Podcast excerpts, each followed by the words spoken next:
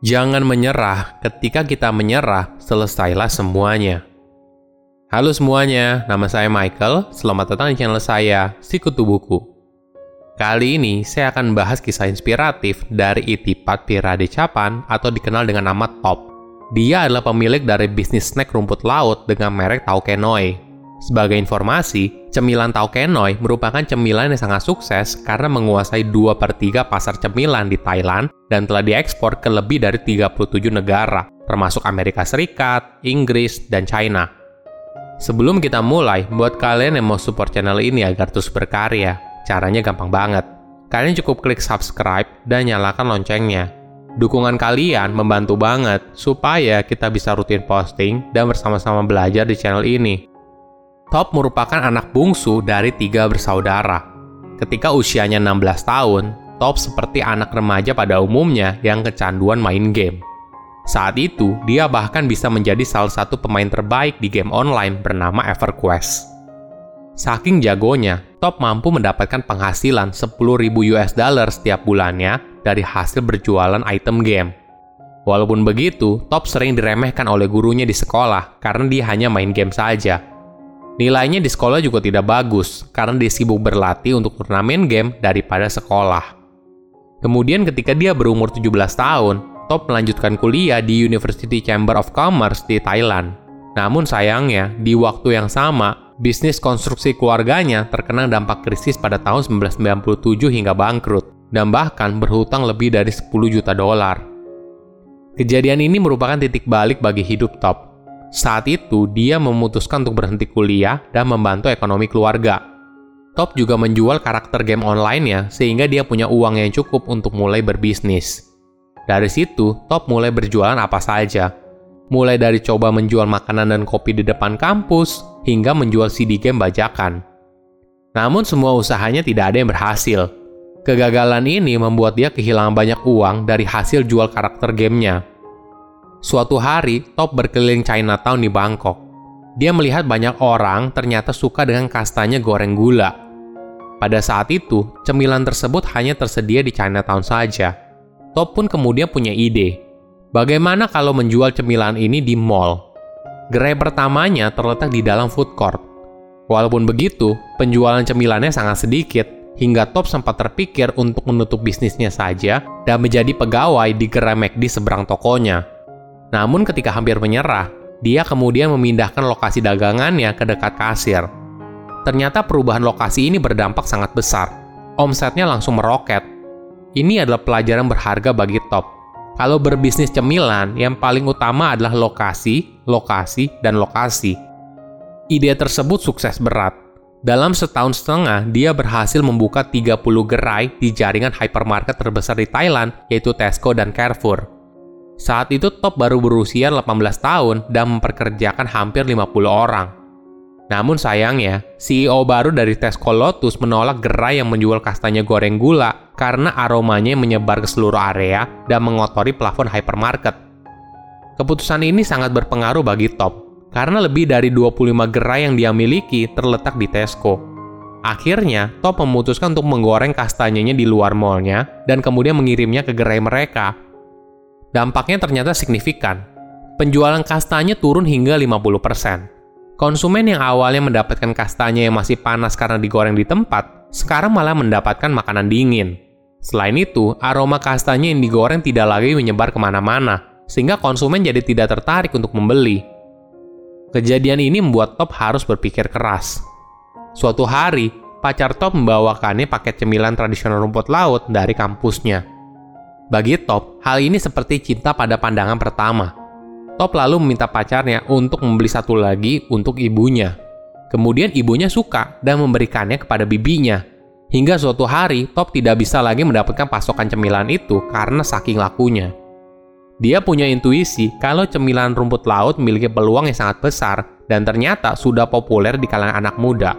Namun belum ada merek cemilan rumput laut besar di Thailand. Top dan ibunya lalu mencoba menggoreng rumput laut sendiri dan ternyata sangat sulit. Tidak terhitung lagi berapa banyak rumput laut yang gagal digoreng dan Top harus mencoba setiap rumput laut itu satu persatu. Maklum saja, saat itu pembuatannya masih sangat sederhana. Kerja keras Top pun akhirnya terbayarkan. Dia berhasil menciptakan cemilan rumput goreng laut yang enak. Top pun lalu memberi nama bisnisnya, yaitu Tau Kenoi, karena dulu ayahnya sering meledek dia sebagai bos kecil akibat sikapnya yang bosi. Setelah beberapa bulan, Top menyadari kalau penjualan rumput laut goreng melampaui penjualan kastanyenya dan menjadi produk paling laris. Ini merupakan awal dari terobosan besar bagi bisnis Top. Sebagai informasi, saat itu usianya baru 19 tahun. Tidak berhenti sampai di sana, Top mulai berpikir lebih besar. Dia sadar kalau ingin jadi pemain besar, Top tidak bisa sendiri. Dia harus punya jaringan distribusi yang kuat. Top lalu memutuskan untuk mendekati 7-Eleven. Awalnya, manajemen 7-Eleven menolak Top karena kemasan dari cemilan rumput lautnya sangat jelek, hanya menggunakan kemasan plastik dan stiker. Penolakan ini tidak membuat Top menyerah. Dia lalu menghabiskan berbulan-bulan untuk memperbaiki desain kemasannya. Hingga akhirnya, manajemen 7-Eleven puas dan berniat untuk mengunjungi pabriknya untuk memastikan kualitas dari produk tersebut. Apabila Top lulus inspeksi, maka produknya bisa didistribusikan ke 3.000 jaringan gerai 7-Eleven yang tersebar di Thailand pada masa itu. Ini berita baik sekaligus tantangan yang cukup sulit. Maklum saja, Waktu itu Top hanya punya enam karyawan yang bekerja di bagian dapur dan tidak mungkin bisa memenuhi kuota produksinya. Dia lalu menjual bisnis kastanyenya agar bisa mendanai pabrik cemilan rumput laut dan merekrut karyawan baru. Top pun lulus dari inspeksi dan pesanan pertamanya dari 7-Eleven sebanyak 72.000 bungkus yang harus dikirim dalam waktu 45 hari. Tantangan berikutnya yang muncul adalah aturan dari 7-Eleven kalau barang top harus terjual minimal 30 bungkus per cabang setiap bulan. Kalau tidak berhasil mencapainya, maka produk tersebut terancam akan dikeluarkan dari 7-Eleven. Saat awal produknya masuk di rak 7-Eleven, mereka menaruh tahu kenoi di rak bawah sehingga sulit dilihat. Hal inilah kemudian yang membuat penjualannya sangat lambat. Belajar dari pengalaman sebelumnya, Top lalu membujuk manajer tokonya untuk memindahkan sebagian produknya ke dekat kasir, ini merupakan strategi yang efektif, dan penjualannya langsung meroket. Hingga akhirnya, Tao Kenoi berhasil mendominasi 2 per 3 pasar cemilan rumput laut di Thailand. Namun hal ini tidak membuat Top puas. Dia masih punya mimpi yang lebih besar lagi. Top ingin Tao Kenoi menjadi merek cemilan global. Pada usianya 26 tahun, Tao Kenoi telah tersedia di 19 negara, termasuk Amerika Serikat, Inggris, Kanada, dan Australia. Selain itu, di umurnya yang masih muda, Top berhasil menjadi miliarder termuda di Thailand. Ada beberapa pelajaran menarik dari kisah sukses Top. Pertama, usia bukan penghalang. Usia tidak pernah menjadi penghalang bagi seseorang untuk sukses. Kehidupan memaksa Top harus bekerja keras untuk mendapatkan kehidupan yang lebih layak dan membantu ekonomi keluarga. Bahkan Top pernah bilang ketika dia sukses, kalau umurnya 32 tahun, tapi dia merasa pengalamannya seperti orang yang berumur 50 tahun. Kedua, jeli melihat peluang. Ini merupakan pelajaran yang berharga dari kisah Top. Dia berjualan kastanya karena melihat produk tersebut sangat laku di Chinatown tapi tidak tersebar luas.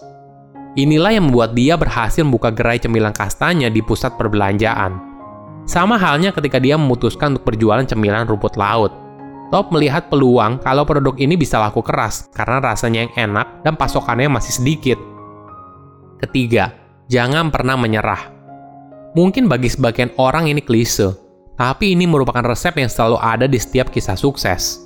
Walaupun awalnya ditolak berkali-kali oleh 7-Eleven, Top tidak menyerah dan terus memperbaiki produknya sehingga bisa diterima. Namun setelah diterima, tantangannya belum selesai dia harus memenuhi target produksi dari 7-Eleven dan memastikan produknya bisa terjual secara konsisten setiap bulan di setiap gerai 7-Eleven. Ini merupakan tantangan yang cukup berat bagi Top. Namun kerja keras dan semangat pantang menyerahnya mampu mengantar Top menjadi salah satu miliarder muda di Thailand. Kita harus jeli melihat peluang dan mengubah masalah menjadi kesempatan. Mindset ini akan membantu kita dalam meraih kesuksesan. Silahkan komen di kolom komentar pelajaran apa yang kalian dapat ketika tahu informasi ini. Selain itu, komen juga, mau tahu informasi apa lagi yang saya review di video berikutnya. Saya undur diri, jangan lupa subscribe channel YouTube Sikutu Buku. Bye-bye.